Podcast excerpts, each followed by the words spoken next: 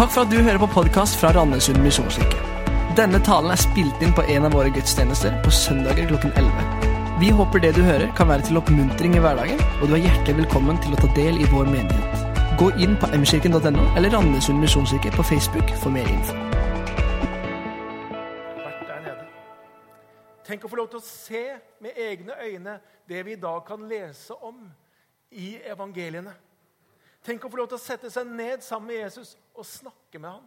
Og stille ham alle de spørsmålene som jeg har lyst til å stille ham. Men den kvelden som skulle bli den siste kvelden som Jesus har med sine disipler, hvor Jesus forbereder disiplene på en framtid uten at han er med dem på samme måte, en framtid hvor han er død oppstanden, så sier han dette. Han sier, 'Det er best for dere at jeg går bort.' Det er best for dere at jeg går bort, for da kan jeg sende talsmannen til dere. Roy Elling talte om det sist søndag, og vi skal fortsette i dag. Dette er siste talen i den serien som vi har kalt 'I all fortrolighet'. Og vi har sett på noe av det som Jesus deler med sine disipler den aller siste kvelden han er sammen. Og etter pinse nå så har vi sett på disse løftene som Jesus ga om Den hellige ånd som skulle komme. Og Vi er der også i dag. Vi skal gå til teksten i Johannes evangelium, kapittel 16, fra vers 12. Johannes evangelium, kapittel 16, fra vers 12. Vi leser i Jesu navn. Ennå har jeg mye å si dere, men dere kan ikke bære det nå. Men når sannhetens ånd kommer, skal han veilede dere til hele sannheten. For han skal ikke tale ut fra seg selv, men si det som han hører, og gjøre kjent for, det, for dere det som skal komme. Han skal herliggjøre meg, for han skal ta av det som er mitt, og forkynne det for dere. Alt det som min far har, er mitt. Derfor sa jeg, han skal ta det som er mitt, og forkynne det for dere. Vi skal be om at Den hellige ånd kan åpenbare ordet for oss. Kjære far, jeg takker deg for at vi har ordet iblant oss. Takk for at vi kan lese hva Jesus sa, og hva Jesus gjorde når han gikk her nede. Og Nå har vi lyst til å be at du skal ta ordet som vi har delt i formiddag, og så må du levendegjøre det i våre liv, Herre. Jeg ber om det i ditt navn. Amen. Temaet for denne talen her, for dagens tale, det er personlig mentor. For løftet her det handler jo om at alle vi som har tatt imot Jesus, som tror på ham, vi har fått én som skal veilede oss til hele sannheten, som det står. Vi har fått Den hellige ånd. Og Teksten som vi har foran oss i dag, den har tre momenter eller i hvert fall tre momenter som jeg har lyst til å peke på. Og Det ene det er at det er et løfte. Når sannheten som kommer, står det i vers 13. Og Så står det noe om åndens oppgave, nemlig å veilede oss til sannhet. Vers 13b. Og så står det noe om åndens mål, nemlig å herliggjøre Kristus, i vers 14. Så det er de tre momentene det er tre som vi skal se på i dag. Og for Det første, det som vi aller først stanser med, det er jo dette at Jesus enda en gang ikke sant? så gir han dette løftet om ånden som skal komme. Når sannhetens ånd kommer, sier Jesus her. Og så er det et løfte som liksom i, på, under denne kvelden repeteres nesten sånn igjen og igjen og igjen. Det er nesten sånn Vi skulle tro at de hadde litt tungt for det, disse disiplene. Og det kan jo hende at de hadde innimellom også. Men i hvert fall så ser Jesus nødvendig og minner de på det gjentatte ganger. Johannes 14, vers 16, så sier Jesus og jeg vil be min far, og han skal gi dere en annen talsmann, som skal være hos dere for alltid. Johannes 14, 26, så sier Jesus, men talsmann, Den hellige ånd, som far skal sende i mitt navn, skal lære dere alt og minne dere om alt det jeg har sagt dere. Johannes 15, vers 26. Når talsmannen kommer, han som jeg skal sende, Eh, sende dere fra Far, sannhetens ånd, som går ut fra Far. Da skal, det, da skal han vitne om meg. Og teksten fra sist søndag, Johannes 16, 7. Men jeg sier dere sannheten. Det er det beste for dere at jeg går bort. For dersom jeg ikke går bort, kommer ikke talsmannen til dere. Så vi skjønner at dette det er noe av det som virkelig ligger på Jesu hjerte for disiplene. for den framtid som de hadde i vente, så var det så viktig for Jesus at de skulle gripe og begripe dette som har med Den hellige ånd å gjøre. Så Derfor så gjentar han det igjen og igjen og igjen. I den vanskelige situasjonen som disiplene hadde foran seg, med Jesus' arrestasjon, med hans eh, rettssaken mot han, mot dom, mot torturen han opplevde, mot den frykten som de ble fylt med, mot fortvilelsen, sorgen Alt det der som de skulle gå inn i, så er det dette Jesus understreker igjen og igjen. Som noe av det mest dyrebare løftet. Det skal komme en annen talsmann. Den hellige ånd skal komme til dere. Som noe av det som skulle hjelpe dem i sorgen. Dere skal få han. Det kommer en ny tid. Jesus har snakket om det før, men denne kvelden så er det som på en måte han tydeliggjør det. Og han underviser i både om hva Den hellige ånd skal gjøre, og hvem Den hellige ånd er. Og På pinsedag, som vi feira for et par uker siden, så skjedde jo nettopp det som Jesus gir som løfte. Den hellige ånd den kom ned over den litt forskremte flokken av disipler. Det står da ble de alle fylt av Den hellige ånd. Og så ble denne forskremte flokken av disipler de ble gjort til menigheten, til kirken. Og vi, vi som lever her i dag, vi lever i tiden etter pinse, hvor løftet er oppfylt. Det som disse gamle testamenter profetene bare kunne se fram mot en dag og si en dag dere, så kommer det noe. En dag kommer Den hellige ånd. De lengtet, og de så fram mot den dagen. Og så sitter vi her i dag og så ser vi tilbake på at det har skjedd, det er oppfylt, og vi lever i en ny tid. Hvor dette løftene de er faktisk oppfylt. Det går det an å være svært takknemlig for. Det var det den gamle pakt lengta etter. Og Løftet om Den hellige ånd det gjaldt jo ikke bare de tolv som hørte Jesus den kvelden, og heller ikke bare de første kristne som opplevde det på pinsedag. Men løftet om Den hellige ånd ja, det gjelder alle. Og bare sånn For at vi ikke skulle misforstå det, eller at vi liksom skulle rote oss bort i noe gjennom kirkehistorien og tenke at det gjaldt bare den gang da, så understrekes dette på pinsedag. Peter han sier det sånn Løftet, altså om Den hellige ånd, gjelder dere og deres barn og alle som er langt borte, så mange som Herren vår Gud kaller på. Det er om som ringer i vann. For dere, for deres barn, for de som er langt borte, så mange som Herren kaller på. Og i det løftet ja, så er vi inkludert. Vi var inkludert, vi var i det lære løftet allerede den gangen. Det gjelder oss, vi som er her. For et drøyt år siden så hadde jeg en liten samtale med Anne Vegusdal. Hvis dere husker henne, så delte hun sitt vitnesbyrd eh, på et av adventsmøtene eh, i fjor. Og så har jeg også fått lov til å dele det som jeg kommer til å si her. Eh, men i fjor vinter så hadde Anne noen ganske intense måneder hvor hun opplevde at Gud gjorde veldig mye i hennes liv, og hun fikk, eh, eh, ble vekt til en helt annen og en mye sterkere tro, et rikere trosliv, enn det hun hadde hatt tidligere.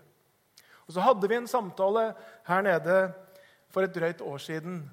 Og så sier hun til meg du, jeg syns det der som har med Gud Fader å gjøre, er litt sånn vanskelig å få tak på. Han blir lett litt sånn abstrakt for meg, sa hun. Og Så fortsatte hun å si Jesus han kan jeg jo lese om i evangeliene. Han får jeg et veldig sånn klart bilde av. Og så sier hun, og Den hellige ånd ja, den kjenner jeg jo i kroppen min hele tiden. Den romsterer og forstyrrer og holder meg våken om natten. Og så sa jeg det er ikke sikkert alle har den samme erfaringen med Den hellige ånd som du har. Og Så snakka vi også litt om Gud Fader. Men jeg syns det allikevel var et så flott på en måte vitnesbyrd om hvordan hun erfarte Den hellige ånd så konkret, så sterkt. Og jeg syns det var morsomt når hun snakka om at den romsterte og forstyrret henne. I Johannes 14, 7 så sier Jesus følgende.: Men dere kjenner han, for han blir hos dere og skal være i dere. Ja, Han snakker om Den hellige ånd, som er både hos oss, men som også er i oss. Og at vi kjenner Han. Og Gjennom Bibelen så ser vi at Den hellige ånd er aldri ment å være et teologisk prinsipp eller liksom noe som er fjernt. Men det er noe som er erfarbart. Noe vi kan kjenne, noe vi kan erfare, og noe vi kan oppleve. Slik taler Bibelen om Den hellige ånd. Og så er det slik da, at mange, og også folk som har gått lenge i menighet og vært lenge kristne, som jeg har snakket med, så er det av og til jeg hører uttrykk som vet du hva, det med Den hellige ånd, det har jeg ikke så veldig erfaring med. Eller det med Den hellige ånd, det syns jeg blir veldig fjernt. Eller det som har med Den hellige ånd, det er ukjent for meg. Et ukjent område, et ukjent landskap. Så jeg tenker, ja, kanskje er det sånn. Men vet du hva? Noen ganger så har jeg også forsøkt å si men kanskje opplever du mer av Den hellige ånd i ditt liv enn du faktisk er klar over. Kanskje er det sånn at, og særlig for vi som har vokst opp i på en måte troen og liksom, ikke sant, Vi har aldri merka den store forskjellen. Ja, Kanskje er det sånn at Den hellige ånd faktisk gjør en rekke ting i våre liv som, ikke, som vi har blitt så vant med at vi tenker ikke over det. For hva er det Bibelen sier? Jo, Bibelen sier faktisk i 1. Korinterbrev 12,3 følgende Ingen kan si 'Jesus er Herre' uten i Den hellige ånd. Alle mennesker kan jo si disse ordene eller lese en sånn tekst. Men det å si 'Jesus er Herre' fra dypet av vårt hjerte og mene det, ja, det sier Bibelen. Det er en bekjennelse som Ånden føder, som Ånden skaper, og som Ånden virker i vårt liv. Ingen kan si det og virkelig mene det. For alt i oss mennesker, alt i vår natur, ja, da vil vi være vår egen herre. Vi vil ikke være noen underlagt. Vi vil styre oss sjøl. Vi vil være herre i eget hus. Vi vil ha hånda på rattet i vårt eget liv. Vi kan kanskje la lystne og tomt begjær styre, sånn som Bibelen sier, men vi vil ikke ha noen over oss. Så når denne bekjennelsen kommer, ja, så er det fordi det har kommet en annen kraft inn i vårt liv. Det har kommet en annen ånd den hellige ånd har kommet inn i, liv, i, våre liv. Så når vi bekjenner med dypet av hjerte Jesus er Herre, ja, så sier Bibelen det er Den hellige ånd som virker det i oss. Og om du kjenner at det på en måte i hvert fall innimellom er en sånn der lengsel i deg etter å komme nærmere Gud, etter å få mer av Han og på en måte erfare mer i troslivet, ja, så er det Den hellige ånd som virker, som kaller, som lokker, som inviterer. Om du kjennes at du utfordres til å legge av deg din sløvhet og åpne deg opp for Gud på en større måte, ja, så er det noe av Åndens virke i ditt liv. Om du fylles av glede midt i utfordrende situasjoner, glede og fred, ja, så er det noe og kan være noe av Åndens virke i ditt liv. Om du inspireres, inspireres innåndes. Til å engasjere deg i Guds rike. Gi av din tid og dine krefter og dine penger inn i det som har med menighet og Gud å gjøre. Ja, så kan det godt være at nettopp det er noe av åndens som kaller og trekker på deg. Kanskje er det sånn at for mange av dere så har dere mye mer erfaring med Den hellige ånd enn det dere i utgangspunktet er klar over. Så poenget er la oss gjenkjenne det og samarbeide også med Den hellige ånd i våre liv. Ja, Til og med før vi bestemmer oss for å tro, før vi blir en kristen, så virker Ånden på oss. Og Røe Elling var litt inne på det sist søndag. Men det er klart, vi blir jo ikke av oss sjøl sånn har lyst til å lese Bibelen eller begynne å gå på en gudstjeneste eller begynne å snakke med noen kristne venner eller hva det var som var veien til tro. Men det er fordi at det kommer noe inni oss. En nød. Eh, et behov, en tørst, en lyst etter å få tak i noe av det som Gud har. Ånden føder dette i oss. Den hellige ånd har en rekke oppgaver overfor de kristne. og Det er en lang lang liste. Men det står i Skriften at Den hellige ånd den vil hjelpe oss, vil lede oss, vil trøste oss, vil utruste oss, gå i forbønn for oss, fylle oss med kraft, gjøre oss mer lik Kristus osv. osv. Den kjente amerikanske evangelisten D.L. Moody han pleide å si det sånn. Han sa du kan like godt prøve å høre uten ører eller puste uten lunger som å forsøke å leve det kristne liv uten Guds ånd i ditt hjerte. Den hellige ånd er essensiell i det å leve troens liv. Og Jesus sier, 'Men dere kjenner han, for han blir hos dere og skal være i dere.' Den hellige ånd er virksom i ditt liv. Det var løftet. Så skal vi se litt på oppgaven. Og I denne teksten her, som jeg har lest innledningsvis fra Johannes 16, 12-15, så er det én sentral oppgave som Ånden har, som på en måte det eh, frontstilles i denne teksten. her. Og så er det ikke uttømmende hva Den hellige ånd har som oppgave. Den har mengder oppgaver. Men altså her er det én oppgave særlig det snakkes om. Og Vi leser ifra, i vers 13. Men når sannhetens ånd kommer, skal han veilede dere til hele sannheten.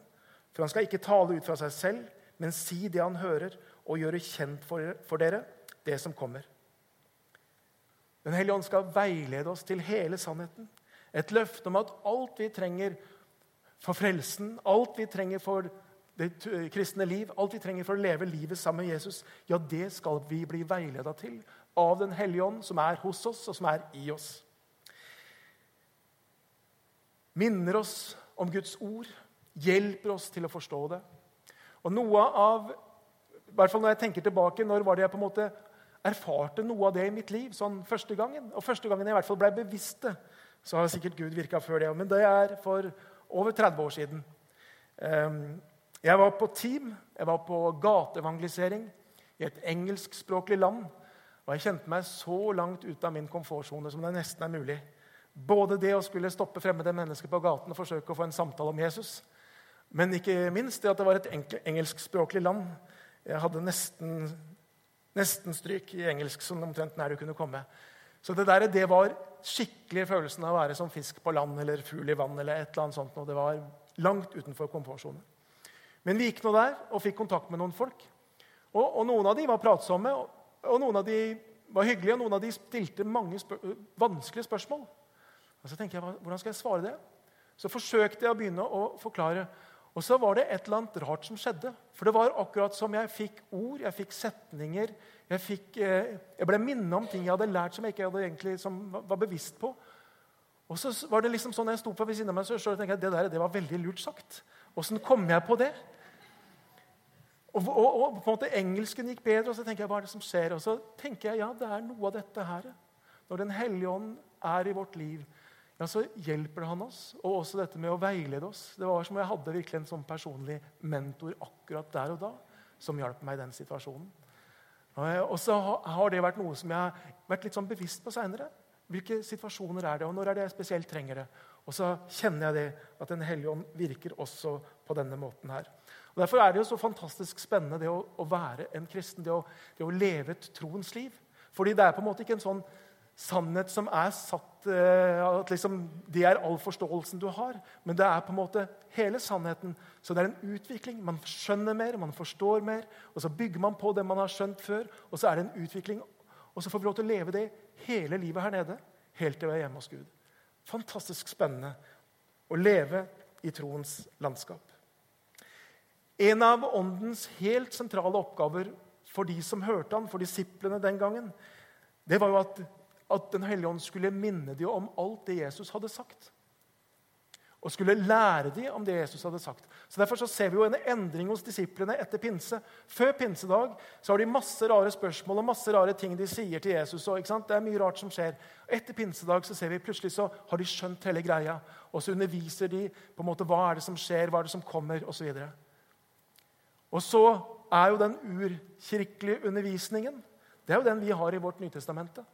Så når Det nye testamentet skulle samles, så var det et ufravikelig krav at det skulle være apostolisk. Det skulle være enten apostlene sjøl, disiplene, som, som skrev øyenvitneskildringen, eller så skulle det være noen som hørte de og skrev det ned.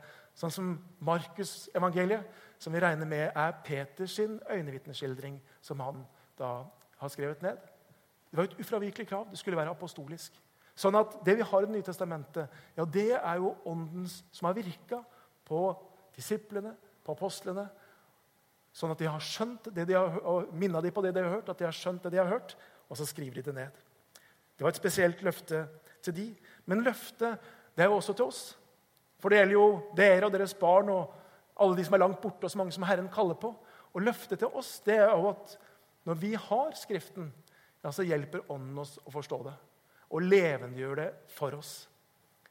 Og det er viktig. Jeg har møtt av og til noen som sier jeg har prøvd å lese Bibelen. Jeg skjønner ingenting av det. Det er bare ja, makes no sense, det som står der. Og så har jeg møtt ganske mange andre, og mange av dere som er her, vil si tvert imot. Å lese Guds ord er fantastisk spennende. Det er relevant. Det er rett inn i mitt liv.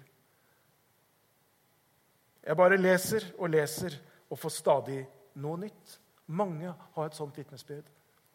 Forskjellen tenker jeg, av de mennesker jeg møter, er jo ikke alder. Det er ikke eh, intellektuell kapasitet. Det er ikke forskjellig kultur eller hva det nå enn er. Men forskjellen var det jo at Den hellige ånd får lov til å levendegjøre ordet. For da blir det liv. Da blir det helt annerledes. Når Den hellige ånd får lov til å gjøre det under i våre liv. Uten Den hellige ånd så kan bibelstudiet bli ganske tørt og kjedelig. Men om vi leser det, og Den hellige ånd kommer til hjelp som veileder til sannheten, ja, da blir det liv. Ens, om vi ensidig vektlegger ordet og Sånn gjøres av og til i noen også kristne tradisjoner. Uten Ånden så kan det fort bli rasjonelt, prinsipielt, det kan bli religiøst, det kan bli lovisk.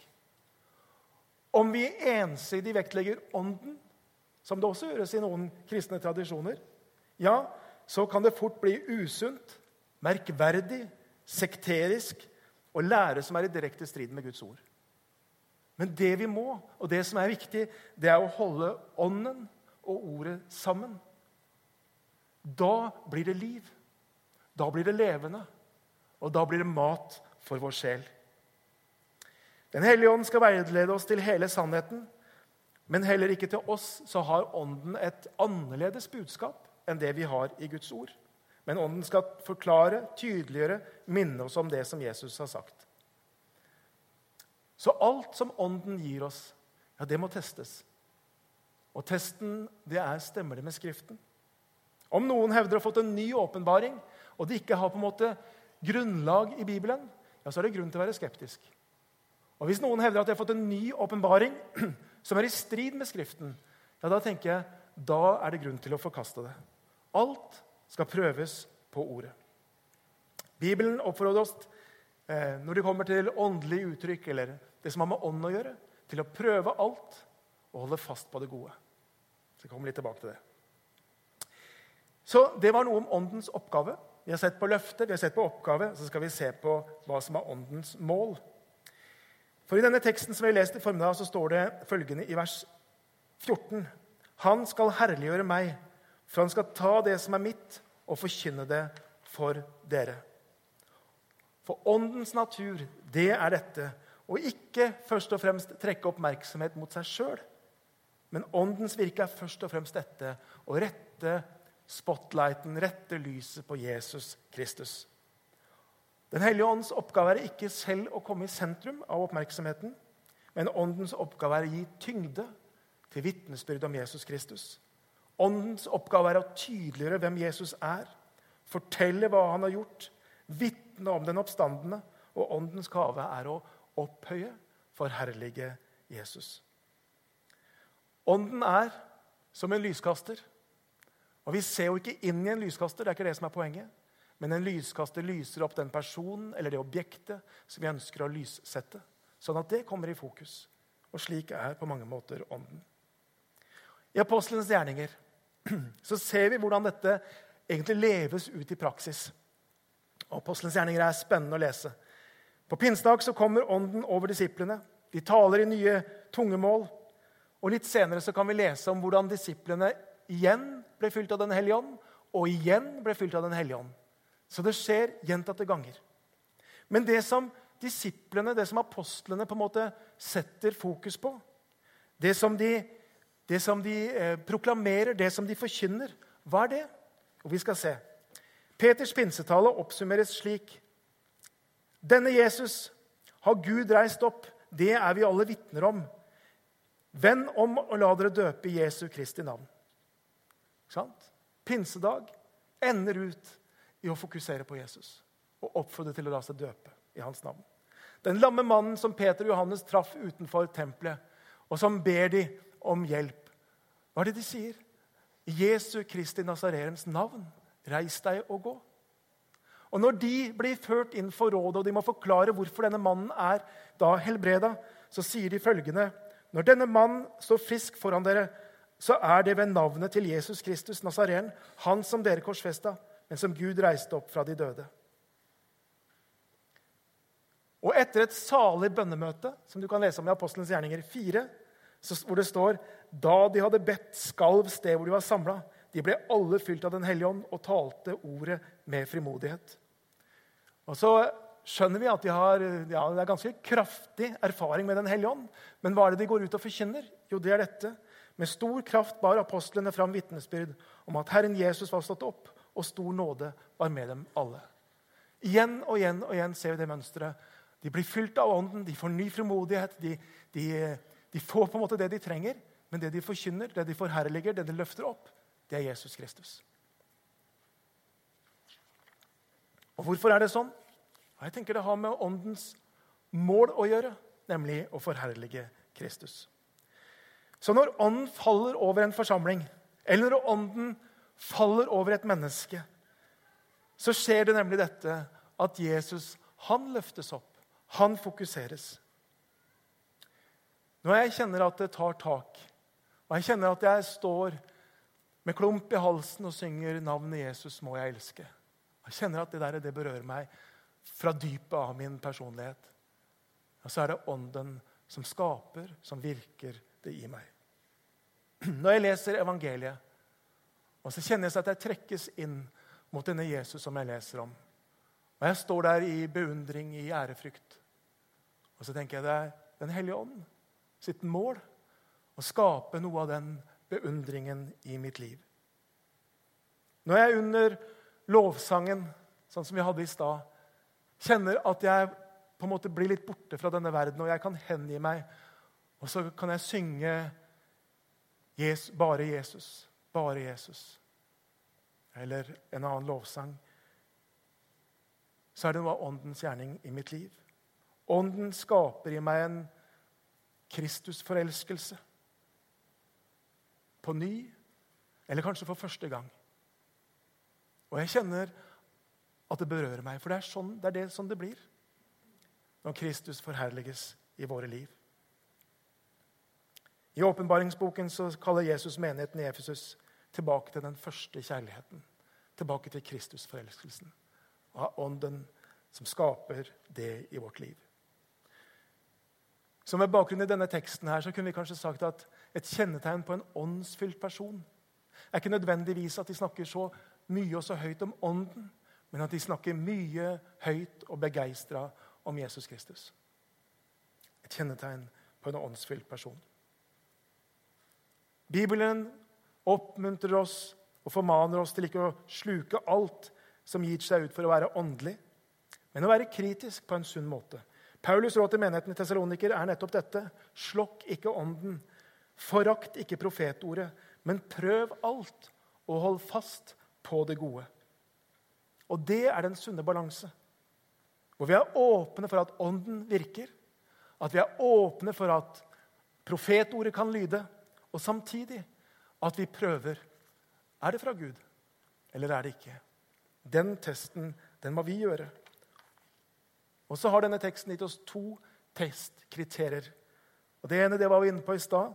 Det er dette. Er det i tråd med Jesu ord? Er det i tråd med Guds ord? Er det i tråd med Bibelen? Og Det andre testkriteriet er dette. Forherliges Kristus? Er det Jesus som fokuseres, som løftes og blir tydelig? For det er åndens mål, nemlig. Han skal herliggjøre meg, sier Jesus. Etter at Jesus ble arrestert, gir sitt liv på korset, oppstår, så møter han disiplene igjen. Vi kan lese om det i slutten av Johannes' evangelium. Og så leser vi igjen, sa Jesus til dem, fred være med dere. Som far har sendt meg, sender jeg dere. Og så står det, så åndet han på dem og sa, ta imot Den hellige ånd. Ta imot Den hellige ånd, sier Jesus. Det trenger vi. Det trenger vi i dag. Vi trenger å på ny og på ny og på ny ta imot Den hellige ånd. Jesus oppfordret disiplene den gangen, og jeg har lyst til å oppfordre oss i dag. La oss ta imot Den hellige ånd. La oss åpne oss opp for det som har med Ånden å gjøre. La oss legge ned frykt eller ønske om kontroll eller hva det er som gjør at vi har garden oppe. La oss øve oss på å gjenkjenne Åndens virke i vårt liv, sånn at vi kan samarbeide med Den hellige ånd i vårt liv. Å bli fylt av Den hellige ånd. Det handler ikke nødvendigvis om at vi skal få mer av Ånden, for han, personen Den hellige ånd, bor i oss. Men det kan hende at Den hellige ånd må få mer av oss, mer plass i vårt liv. Ta imot Den hellige ånd, sier Jesus. Ta imot Den hellige ånd. Skal vi be.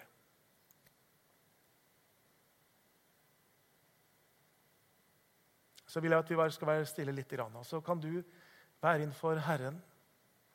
Og så kan du, hvis du ønsker det, si i ditt indre Jeg har lyst til å ta imot Den hellige ånd. Jeg har lyst til å bli fylt på nytt. Så vil jeg be for det etterpå.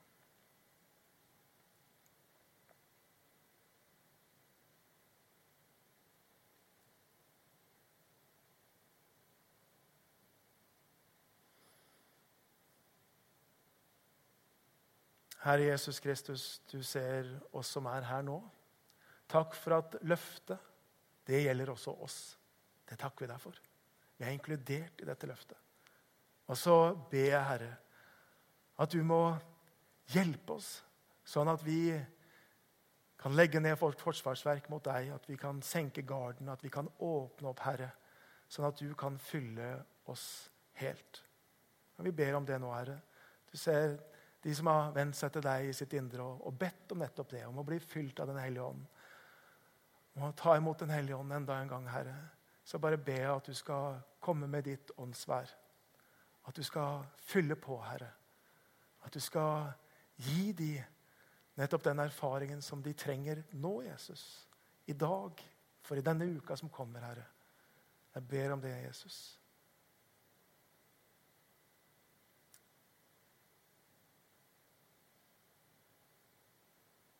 Takk, Hellige Ånd, at du fyller oss opp nok en gang. Amen.